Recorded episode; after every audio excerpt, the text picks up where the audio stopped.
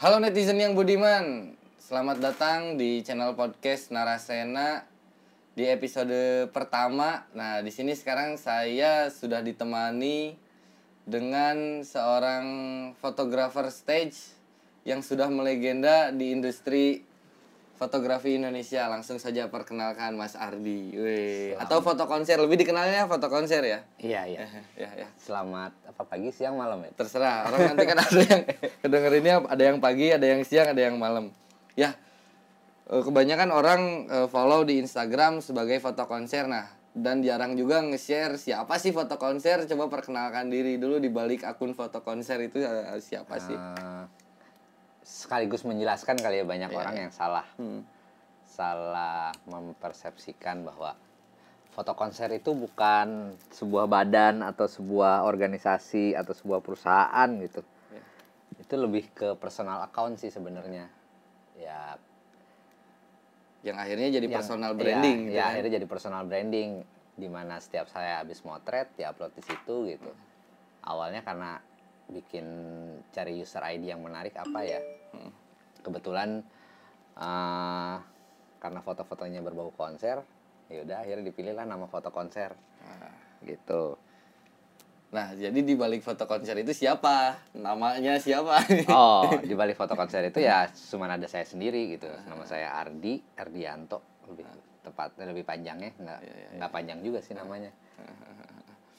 Nah, yang saya tahu tentang foto konser itu dulu eh, waktu saya punya Instagram 2013 apa ya saya bikin Instagram eh, langsung ada tuh di tab recommendation at foto konser. Wah, ini menarik dan saya juga dulu eh, 2013 cukup suka motret-motretin eh, stage lah kalau ada beberapa event saya eh, suka motret gitu. Makanya eh, foto konser dulu salah satu panutan waktu saya masih belajar-belajar motret stage. kasih. Makanya sekarang bisa bertemu, wih sebuah kebanggaan sekali bisa ngobrol bareng sama foto konser ya kan. Dulu ngefans banget, fotonya keren-keren gitu karena terima kasih terima di 2013 itu masih jarang sekali orang-orang yang upload foto serius ke Instagram, bener nggak? Benar Karena waktu pada zaman itu orang-orang tuh di Instagram masih foto-foto selfie ya kan? ya Belum belum belum seniat hari ini, belum serame hari ini kayak Seben- sekarang. sebenarnya sih mungkin bukan dari 2013 ya Eh 2000 berapa? Kalau saya sih Enggak eh, ya saya sed- sedikit cerita sejarahnya Hmm, mungkin kali ya Eh, mungkin sekitar 2010 apa 2011 Hmm, gitu awalnya. awalnya ya Instagram tuh mulai tahun berapa ya kurang tahu. Cuma saya bikin 2013 gitu. Nah, pokoknya di, di tahun-tahun itu orang-orang lagi rame-rame Instagram. Hmm. Eh, salah satu yang kepikiran saya pertama adalah gimana caranya kan zaman dulu masih zamannya kalau iPhone tuh iPhone 3 ya kalau salah 3, 3, ya. apa 4 gitu. Yang kualitas gambarnya pun ya seadanya gitu kan. Tapi pada zaman itu paling oke. Ah, ah.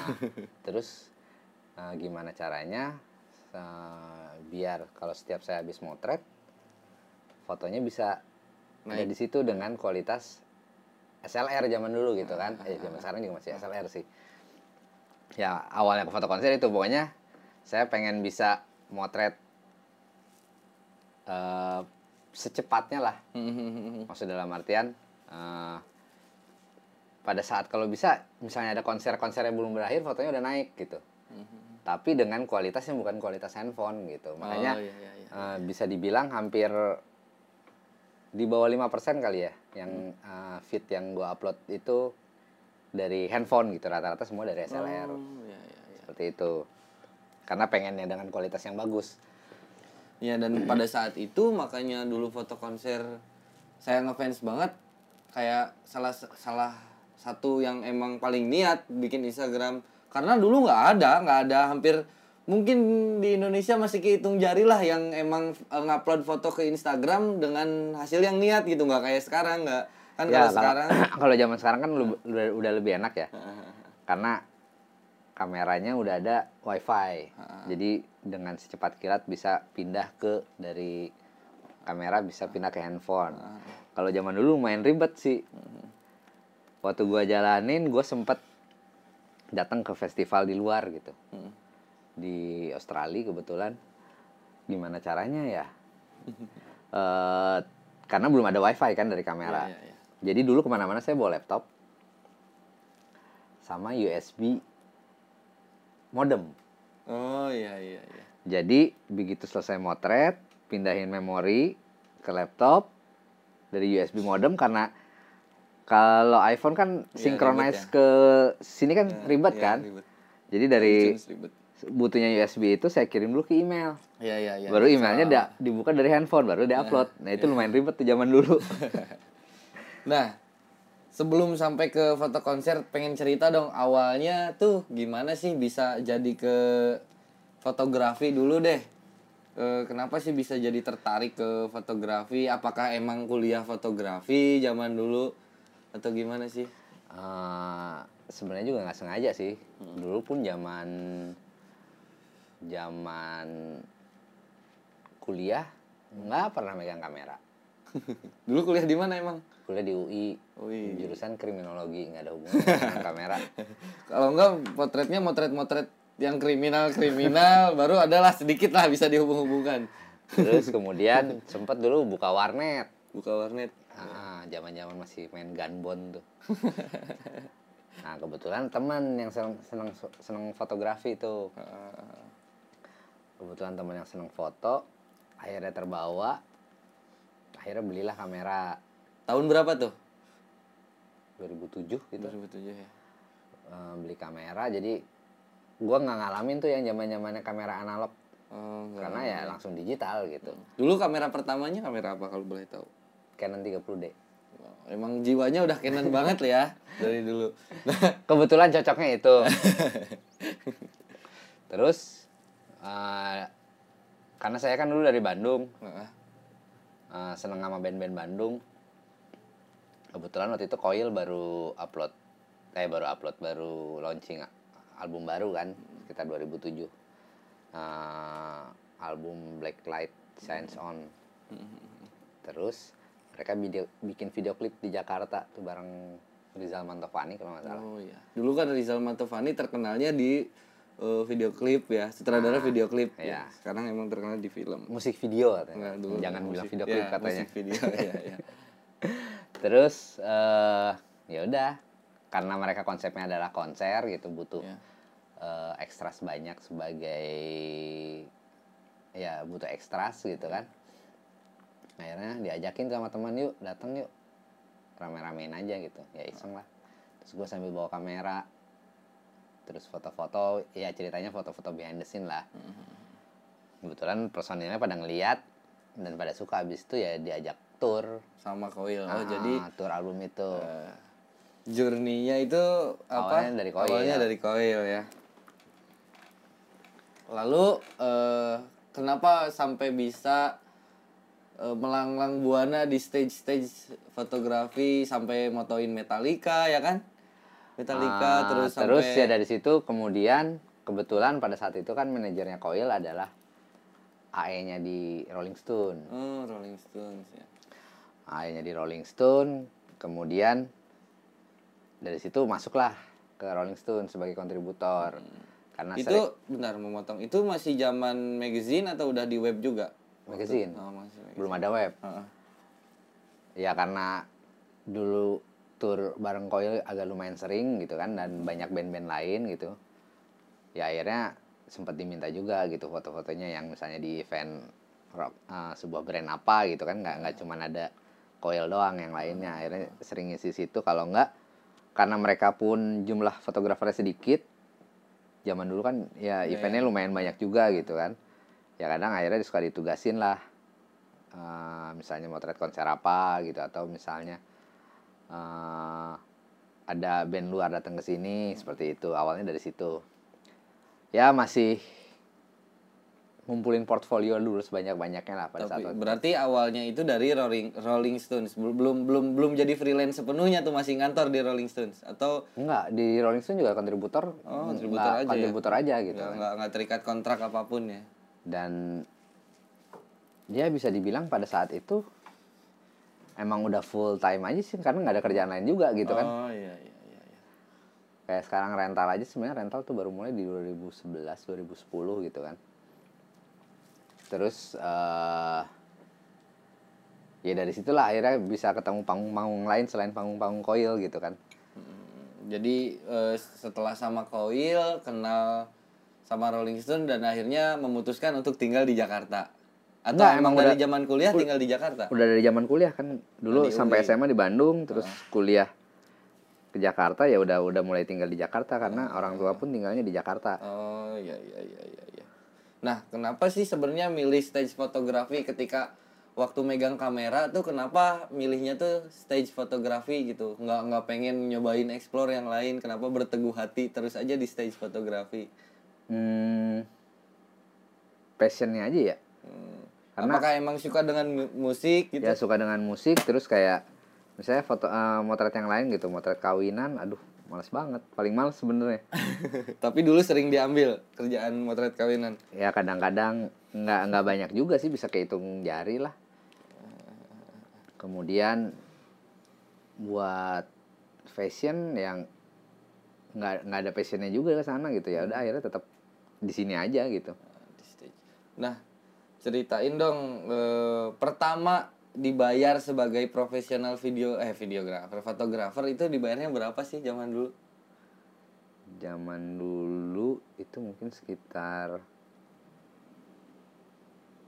ya di bawah sejuta lah Tapi eh, udah lumayan cukup nggak itu zaman dulu dengan bayaran segitu dan mungkin zaman dulu nggak sebanyak sekarang fotografernya jadi eh, apa gimana ya? Jadi nggak nggak terlalu bunuh-bunuhan harga gitu nggak sih kalau dulu? ya ya bisa dibilang dulu tuh belum belum tren kayak sekarang ya semua Sekarang semua orang mulai beli dirinya sebagai fotografer, bisa Iya. motret, bokeh, backgroundnya diupload ke Iya. Instagram, oh gue fotografer gitu. ya dulu juga sebenarnya ya gue juga gitu gitu tiba-tiba gue megang kamera gitu terus ya mungkin gue melebalkan diri sebagai fotografer. Eh ya mungkin dulu dulu masih sedikit lah. Orang-orangnya yang benar-benar senang dengan ya berkecimpung di stage gitu kan. Masih ketemunya itu itu lagi itu itu lagi. Nggak nggak nggak kayak sekarang tuh. Sekarang ya ya enaknya sih sekarang udah lumayan menjamur. Jadi nggak eh, referensi pun kita bisa semakin banyak yang bagus pun jadi semakin banyak gitu. Kalau dulu kayaknya masih orang-orang itu itu aja Nah kalau eh, kenal caranya kenal bisa kenal kenal eh, sempet jadi fotografernya Raisa ya. Ceritain dong bisa sama artis-artis gitu jadi jadi itu gimana sih personal fotografer atau gimana? ya sebenarnya kan nggak jauh beda kayak eh, apa ya pekerjaan yang lain ya Iya iya iya. Kayak lu mau kerja di sebuah perusahaan juga lu melamar kerja gitu kan atau lu pengen dipakai siapa Ah, ya istilahnya lu harus bisa menjual diri lu gitu kan biar dikenal orang dan bisa di digunakan jasa lu seperti itu. Ya awalnya nyamperin satu-satu gitu. Atau ya awalnya dari obrolan di backstage gitu kenalan di backstage sering ketemu. Tapi kalau untuk Raisa sih saya datengin manajernya Oh, dulu tahu juga kebetulan manajernya. awalnya nggak kenal gitu. Terus ya datang terus eh gue menawarkan diri. Itu tahun berapa ya? 2011 gitu. Waktu Raisa baru naik-naiknya banget ya. Maksudnya emang bener baru deng gitu. iya. Ya menawarkan diri terus ya udah dicoba. Ya, akhirnya berlanjut seperti itu Jadi setiap eh, beber- eh, siapa aja sih yang udah pernah dihandle secara pribadi gitu eh, untuk artis-artis. Maksudnya bukan eh, di hire-nya bukan sama event atau sama artisnya gitu. Eh, Mas Ardi, ayo ikut sama saya foto. Udah sama siapa aja sih kalau boleh tahu? sama untuk sebelumnya kan banyak ke band Heeh. Untuk band sama siapa? Koil yang pertama Koil, kan, Raisa, diajak The Sigit juga Pernah pernah Sigit. Tapi ya karena lokasi Bandung Jakarta ya Mm-mm. terus ah, saya masuk ke solois tuh akhirnya diawali dengan Dewi Sandra Oh, Dewi Sandra. terus habis Dewi Sandra Agnes pernah Yes. habis Agnes eh, Iwan Fals Tulus eh, Yura kalau yang baru-baru terus Afgan Oh iya iya iya. ya untuk untuk akhir-akhir ini sih banyaknya penyanyi solo ya Iya iya iya. ya iya. nggak udah lama nggak band Karena alasannya bayarannya lebih gede. nggak juga sih tapi ya nggak tahu belum ada panggilannya gitu sama kalau kayak gitu kan tergantung jadwal yang duluan masuk aja gitu Nah, kalau boleh tahu dari artis-artis yang eh, disebutin barusan siapa sih bayarannya yang paling gede? dari siapa tuh? mau jawab nggak? Nggak mau jawab juga terserah ini. Siapa yang paling gede nih? Bayaran dari siapa yang paling gede? sebenarnya sih kalau yang bayaran paling gede yang gede itu sebenarnya kan nggak nggak nggak ngikut sama artis ya Iya, oh dari event ya. dari event event biasanya event biasanya lebih besar Karena motretin beberapa performer. nggak cuma beberapa performer tapi tugasnya nggak cuma panggung doang kan Oh ya, jadi dokumentasi lah ya. Ah, ah, ada untuk ya standar report buat sponsor kayak umbul-umbul apa panggung yang yang lain-lainnya nggak cuma Iya, iya. kalau sama artis kan paling urusannya dari sebelum naik panggung sampai turun panggung udah habis itu selesai Iya, iya. misalnya eventnya dari pagi sampai siang paling cuma dua jam tiga jam gitu kan tapi kalau event kan bisa dari pagi sampai malam gitu dari awal sampai selesai tapi kalau dengan musisi jumlahnya Jumlahnya sering, sering ya. kata- sering karena kalau event kan paling setahun sekali gitu kalau Iya. kalau sama musisi kan biasanya Sebulan ya, bisa berapa kali ya? ya bisa berapa kali gitu Oke, terus eh, kasih tips dong buat temen-temen nih yang mau masuk ke stage fotografi itu kayak gimana sih? Kan banyak nih temen-temen pengen jadi stage photographer tapi nggak punya akses. Gimana sih harus memulainya sebenarnya? memulainya jangan terlalu tinggi jangan terlalu tinggi ekspektasinya ya maksudnya jangan Baru belajar udah pengen motoin yang gede-gede gitu Nah, tiba-tiba. atau event yang gede-gede gitu karena dari awal pun saya awalnya iseng-iseng suka sering ke acara musik yang di kafe-kafe itu yang kecil-kecil Oh, iya iya iya iya. Jadi Eh, dari situ yang pertama lightingnya lebih susah gitu. Lightingnya lebih susah terus dari situ lebih banyak berpikir bagaimana cara mendapatkan foto yang bagus ya. Kalau udah panggung yang gede kan lightingnya udah enak tuh. Maksudnya ya pasti fotonya bagus lah kadang gitu. Dan pada saat nongkrong di kafe-kafe kecil itu ya banyak bergaul gitu jangan oh, jadi selesai selesai motret pulang gitu. Karena kadang kalau seperti itu kemungkinan kita bertemu orang-orang yang istilahnya Hmm. decision makernya lah untuk di event atau di sebuah kayak manajemen artis.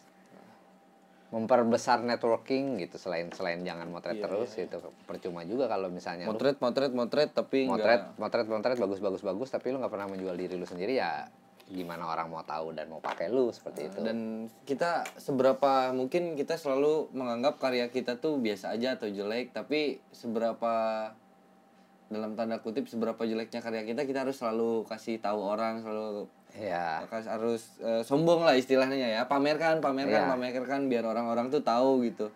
Kadang-kadang banyak juga soalnya kalau waktu dulu saya banyak teman-teman yang mereka jago motret tapi nggak apa taruh aja di harddisk nggak mau dipublish banyak juga kalau dulu jadi salah satu eh, kunci keberhasilan ya kita share share Iya. share gitu jangan jangan takut atau jangan malu share ke sosial media gitu kan jadi kayak begitu orang mau meng-hire lu bertanya portfolio lu Nah, mana sekarang tinggal dikasih Instagram ya aja tinggal ya kasih kan? Instagram aja gitu Nah, sepanjang karir motret mungkin kurang lebih udah 10 tahun ada, Ada. 10 tahun ya.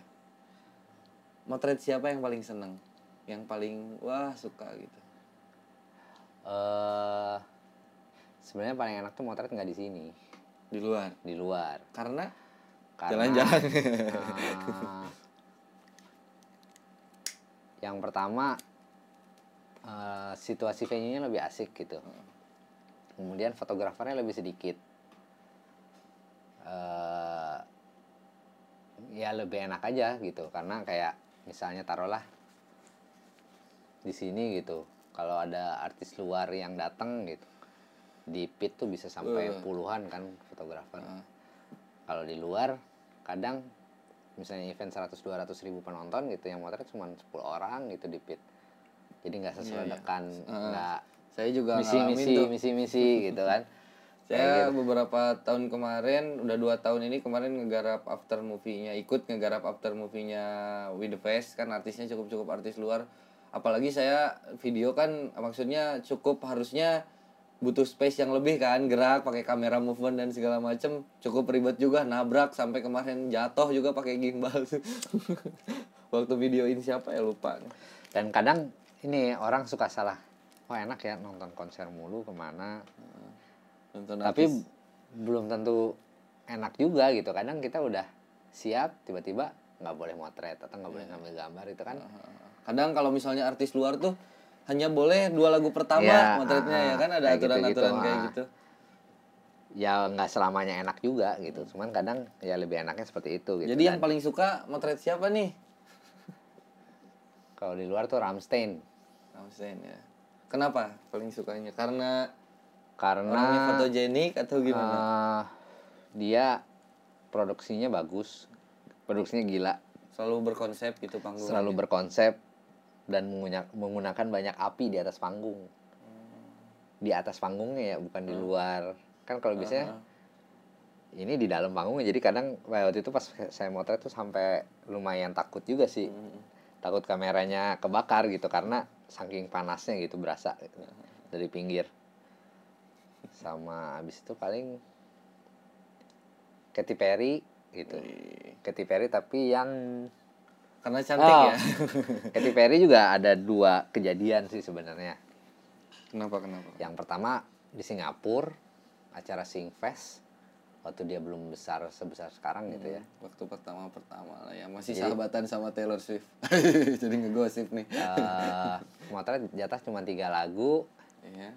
Terus kemudian bandel gitu kan. Oh ya. Tetap motret di antara penonton gitu. Nggak ada yang negor. Sampai pas lagu terakhir karena nggak ada yang negor makin lama makin maju kan sampai barikade. Ketangkep diusir keluar venue. Terus yang- tapi hasil fotonya memuaskan dong. Ya terus yang yang yang kedua pas di Jakarta gitu Katy Perry Jakarta. Katy Perry itu nonton yang eh ya nonton ya, karena lumayan ngefans juga ya nonton Katy Perry yang ke empat. Tiga sebelumnya kan motret. Ah, yang keempat nonton. Yang ke yang keempat motret juga kebetulan jadi official juga gitu kan. jadi ada kemungkinan bisa minta tanda tangan. Ya, soalnya triple A aksesnya. Iya. bisa all access lah gitu ya terus eh, kebetulan waktu itu sama Naren juga sih. Eh, Naren kan sebelumnya yang disentul tuh. Ah, pas yang di ice diajakin juga sama Naren. Terus karena Naren yang pasti sentul udah foto bareng ya udah saya ditugasin ya udah ntar bagian meet and greet lu aja yang foto gitu. Udah disiapin tuh foto yang beberapa sebelumnya di yang print gitu. dicetak emang buat dikasihin ke Katy Perry? dikasihin dan untuk ditandatanganin. Ah, Eh, terus sebelum mulai sempat saya tanya dulu sama panitianya ini meet and greetnya sebelum konser apa sesudah konser nih? Ah, sesudah sesudah katanya. Karena yang tahun sebelumnya juga sesudah konser gitu. Oh ya udah karena waktu itu posisi motretnya jauh di FOH oh, kenapa nggak boleh dipit emang dia kayaknya nggak selalu nggak selalu boleh dipit jatahnya tiga lagu. Terus karena udah ngelihat konser yang kota-kota sebelumnya jadi saya bawa tiga body tiga lensa. Eh 400 70 200 sama 2470 kan. Ah. udah standby di FOH pas lagi nunggu tiba-tiba diteriakin. Fotografer mana nih? Meet and greetnya berubah jadi sebelum konser. Tapi nggak kedengeran. Iya. Terus karena tiba akhirnya ketemu gitu kan dicariin tuh ya udah. Terus lari itu dari ice dari depan. Ke backstage lumayan jauh dengan bawa tiga body dan lensa besar Ah. besar terus pas sudah sampai di sana nggak jadi apa uh, meet and greetnya udah fotonya pakai handphone aja pas sudah sampai sana gitu terus kondisinya itu kan udah mau naik ke panggung gitu kan Hmm. Eh, terus tiba-tiba si Katy Perry-nya lewat depan gua cuma Hmm. satu meter terus dia jongkok di depan gua gitu kan Mm-mm. Cuman gua tahu kalau eh gua pada saat itu kucuk-kucuk minta tanda tangan atau apa itu pasti ribet gitu. Hmm. karena gua ngalamin juga ada di posisinya mereka. Maksudnya ketika misalnya gua bersama Iwan Fals atau bersama musisi yang lain gitu. Kalau misalnya tiba-tiba mau naik ke atas panggung terus ada orang yang tiba-tiba minta foto bareng atau itu pasti males lah. uh, ngerusak moodnya gitu jadi cudanya cuma bisa ngeliatin aja. Mungkin kalau sekarang pasti di Instagram Story itu ya. Cuma zaman itu kayaknya belum ada Instagram Story oh ya? belum belum belum ada fiturnya. Tapi kadang masalahnya gini orang yang nggak tahu adalah jadi ah, pada akhirnya nggak jadi tuh di tanda tangan Katy Perry nggak nggak nggak jadi tanda tangan. Nah, eh ya nggak tahu kenapa jadi? nggak karena ada eh, orang-orang yang nganggep bahwa ya fotografer itu enak gitu bisa ketemu bisa apa ya nggak semuanya kayak gitu juga gitu. Kadang beberapa manajemen artis pun yang melarang ada kamera di backstage ada yang bisa karena itu semua ada di kontraknya kan. Hmm, kontrak mereka dengan si promotor. Iya iya. Eh apalagi kalau kayak Korea itu lebih lebih strict lagi gitu kan. Karena bisa ada penaltinya. Uh, secara uang ataupun apa gitu. Atau kayak waktu Metallica yang di Jakarta kalau sampai ada kamera di backstage dia bisa cancel show-nya gila sampai sih. seperti itu gitu maksudnya ya kadang orang yang nggak taunya seperti itu gitu Nah, eh melihat Mas Ardi yang udah lama di industri ini nih, apa bisa kita hidup menggantungkan? Maksudnya bisa nggak sih ngandelin kerjanya ya udah jadi freelance fotografer aja jadi stage photographer gitu. Bisa banget nggak sih? Kan banyak nih orang-orang atau teman-teman yang baru mulai baru pada lulus SMA pengen jadi fotografer pengen mulai stage photographer tapi mereka takut pada akhirnya ngantor-ngantor juga gitu. Jadi tipsnya gimana sih untuk survive di dunia stage fotografi ini? Kalau untuk survive di stage fotografi sebenarnya antara bisa bisa dan enggak ya tergantung orangnya juga Hmm, kalau lu nggak megang satu artis lokal agak susah. Eh, tapi kalau sebenarnya ya ya balik lagi kemampuan lu untuk memasarkan diri lu sendiri ya. Tapi ketika misalnya lu bisa megang satu artis lokal dan jadwalnya lumayan penuh gitu taruhlah. Siapa ya? Ya Raisa deh Ah, ah, jangan Raisa yang paling gampang jangan. Jangan terlalu jauh ya? Siapa? Gary Gary itu? Tahu nggak Gary Lesmana yang anak net? Giri Lesmana ah iya. Nah, kurang sih. Gua gua lupa. Dia kan megang Yasmin. Oh sama teman saya juga videografernya tuh si Dian sama Yasmin juga. Nah, coba lu lihat jadwalnya Yasmin sebulan ada berapa tuh? Ya. sampai teman saya itu si Dian ada videografernya Yasmin. Dia dari Jogja kan awalnya sampai dia pindah ke Jakarta ngekos di Jakarta kerjanya sama Yasmin doang. Sekarang dia udah putus sama Yasmin maksudnya udah nggak selalu ikut gitu. Udah udah nggak intens lagi kayak dulu. Dia malah eh apa panik ke saya juga. "Eh, temenin gue dong kenalin gue dong sama ini. Karena dia taunya berangkat dari Jogja ke Jakarta ya cuma sama Yasmin aja. Nah ya mungkin ya, jangan kalau misalnya udah sama satu artis gitu emang harus linknya juga harus di ini lagi ya jangan Iya. jangan terlalu ini juga gitu maksudnya. Ya maksudnya itulah jaringan sebanyak banyaknya jangan. Dan ya sebenarnya kan ketika di backstage lu juga bisa jualan diri lu sendiri gitu. Walaupun kadang ya kalau emang lu udah official tapi harus siap dengan backup plan-nya lah. Ya, ya. Maksudnya jangan hanya mengandalkan satu orang gitu. Ya kayak gua kan salah satu backup plan-nya ya gua punya rental. Nah. itu kenapa tiba-tiba jadi punya rentalan dari stage fotografi? Yang pasti sih awalnya kebanyakan alat.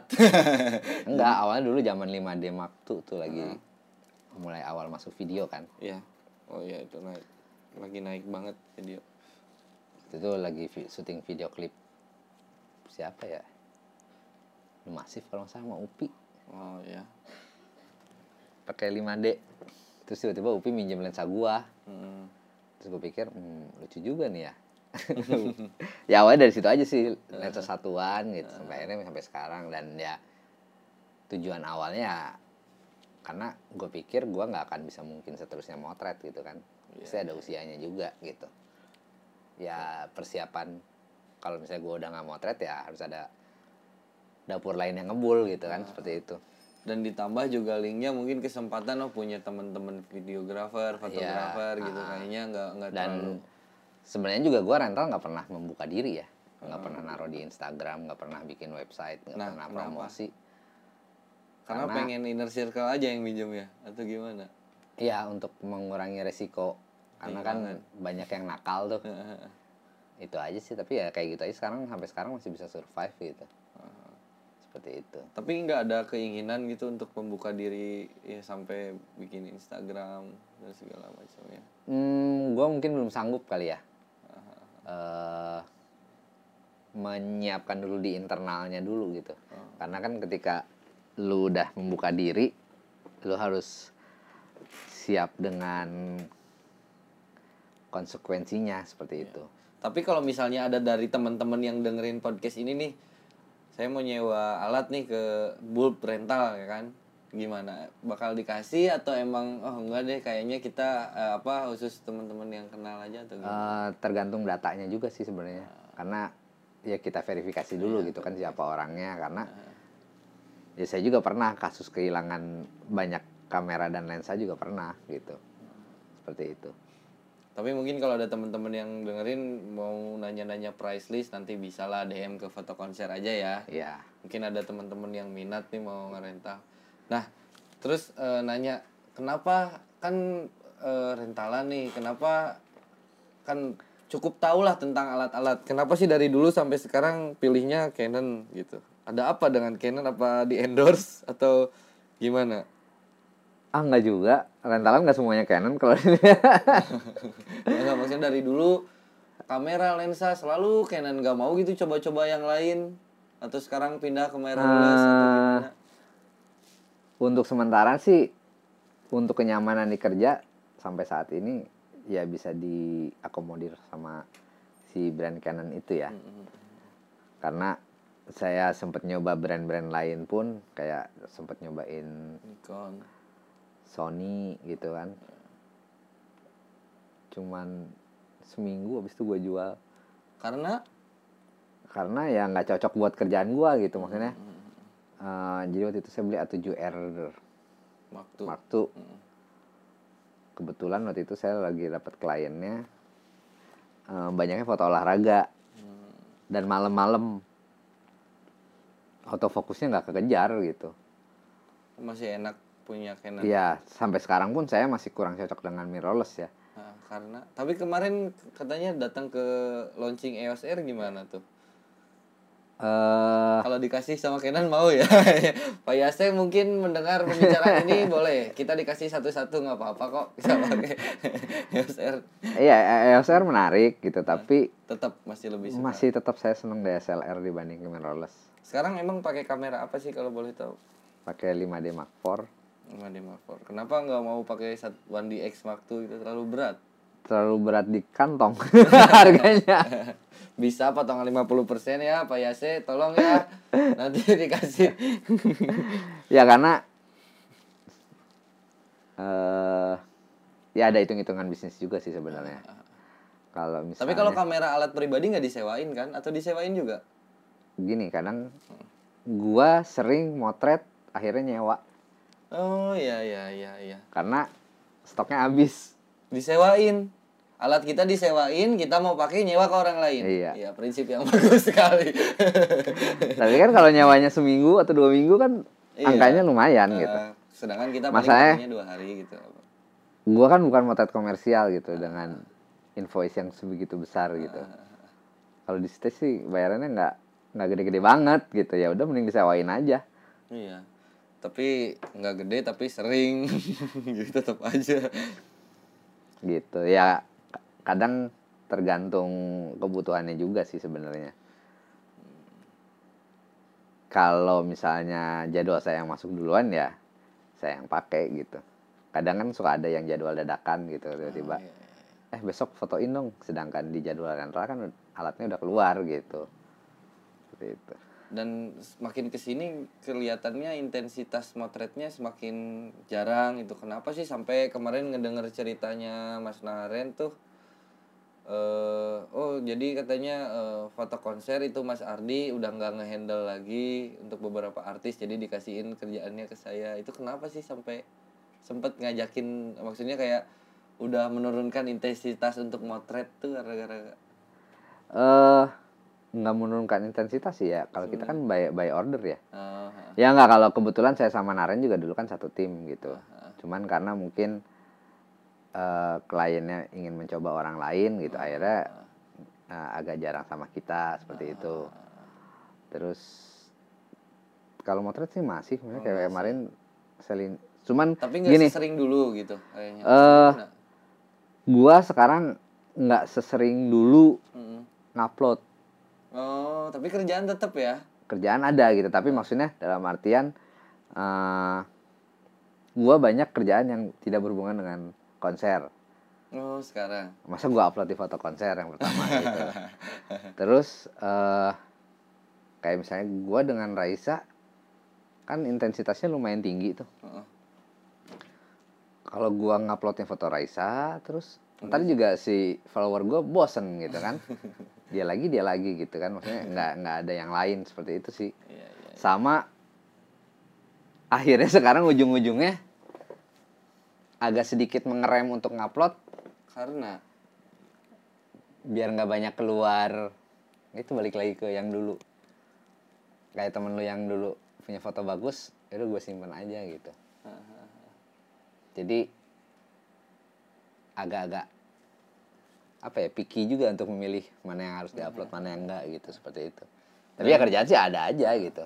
Dan udah pernah bikin pameran belum sih? Pameran pribadi gitu? Kalau pameran pribadi belum. Ada yang mau sponsorin?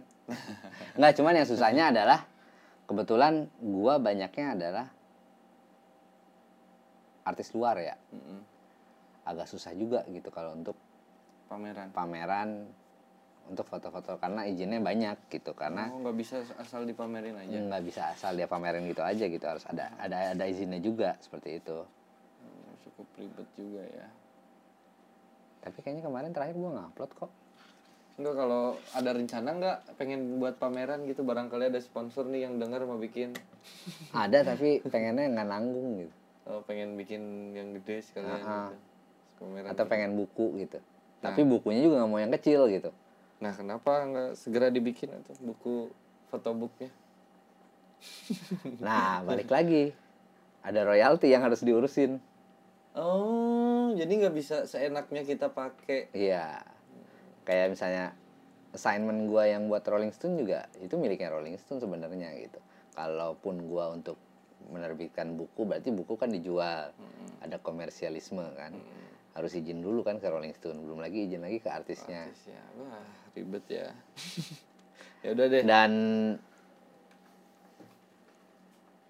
apa ya mungkin belum ini ya belum takutnya kalau misalnya menerbitkan buku juga kan ongkosnya nggak nggak begitu besar nggak begitu nggak nggak kecil kan. Apalagi gue sih pengennya ukurannya coba punten. Nih. Misalnya ukurannya segitu. A4 F4 tapi misalnya sekitar tebalnya segini gitu. Iya. itu nggak nggak nggak mungkin dijual di bawah 300 400 ribu Hmm. gitu kalau dengan ukuran seperti itu gitu. Kecuali ada yang mau sponsorin dengan bayar segitu karena kadang kalau dijual di atas 500 kira-kira siapa yang mau beli? siapa yang mau beli gitu. Kecuali kecuali gue banyak duit untuk buang duit. Nah. dan pernah ada nggak sih mau bikin photobook misalnya Afgan photobook Afgan itu biar nanti kita ngurusin itunya assignment yang gak ribet dan nanti emang fans-fansnya Afgan pasarnya atau gitu pernah kepikiran gitu nggak? Dari satu tokoh aja gitu. Karena Eh, misalnya sering turnya sama Afgan atau gimana? Pernah? Belum sempat diobrolin sih. Eh, tapi ya itu menarik juga sih sebenarnya. Cuman mungkin ya pandangan dari manajemennya juga pun belum tentu ini laku nggak ya gitu? Karena kan mereka punya hitung-hitungan bisnis juga gitu kan. Karena ya nggak mungkin juga gua nanggung ongkos produksi pencetakan. Harus ada sponsornya sih sebenarnya gitu. Iya ya ya bisa lah banyak sponsor kok yang mau. Amin. Yaudah nih pesan buat teman-teman yang terakhir pesan teman-teman yang buat baru belajar atau emang udah masuk videografi tapi masih ragu-ragu gimana nih? Ya terus aja berkarya gitu. Kayak gua pun 2009 eh 2000 dari- mulai dari 2007 juga nggak mengharap ujungnya kayak gini gitu maksudnya. Ya kalau gede jadi gede terkenal itu kan bonus gitu kan. Eh, tapi ya jalanin aja apa yang lu suka gitu. Dan kalau emang lu apa eh, sungguh-sungguh pasti ya pasti akan akan akan menuai hasilnya nanti gitu. Dan tapi jangan labil maksudnya baru juga belajar udah terus eh, pengen sesuatu yang cepat jangan Iya, itu semua ada prosesnya juga gitu maksudnya. eh kayak gua dulu motret Metallica Hmm. di GBK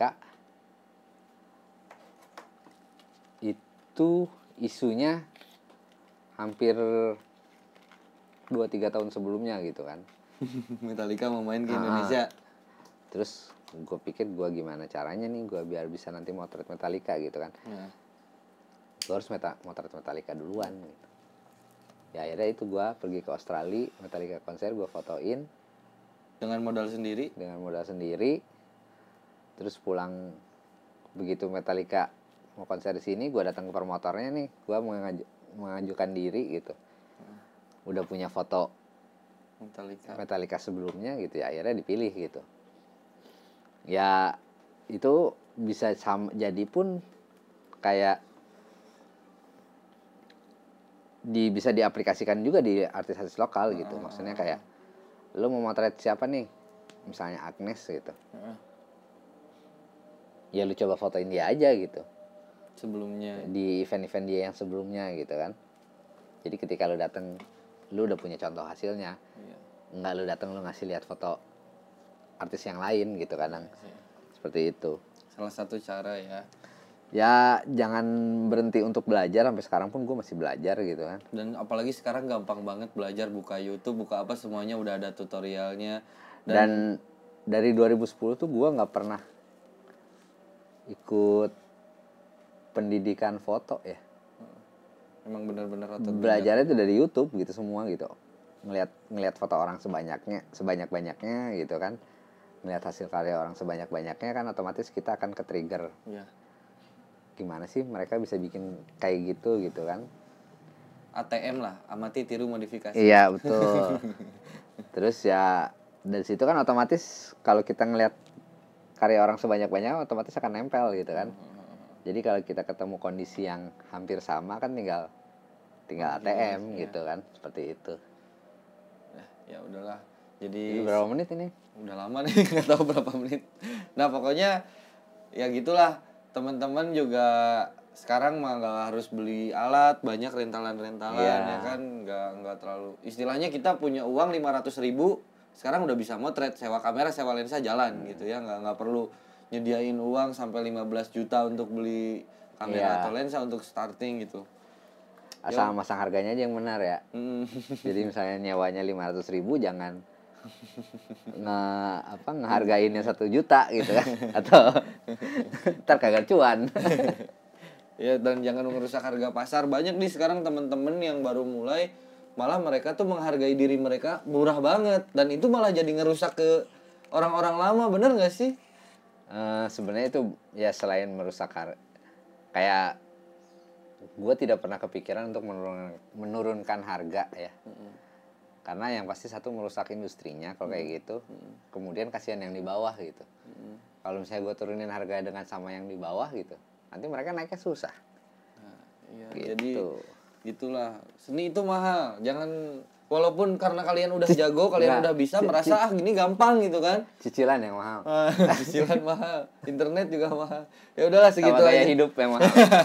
Gaya hidup memang ya udah segitu aja di podcast episode kali ini mudah-mudahan teman-teman suka untuk mendengarkannya dan saya akan upload episode-episode berikutnya di bincang bareng Narasena dan saya bakal banyak bahas tentang videografi, fotografi, sinematografi banyak lah dan kalau misalnya ada teman-teman yang punya ide juga boleh di DM ke Instagram saya @narasena eh, ngundang siapa membahas tentang apa boleh boleh Ya jangan lupa klik and subscribe.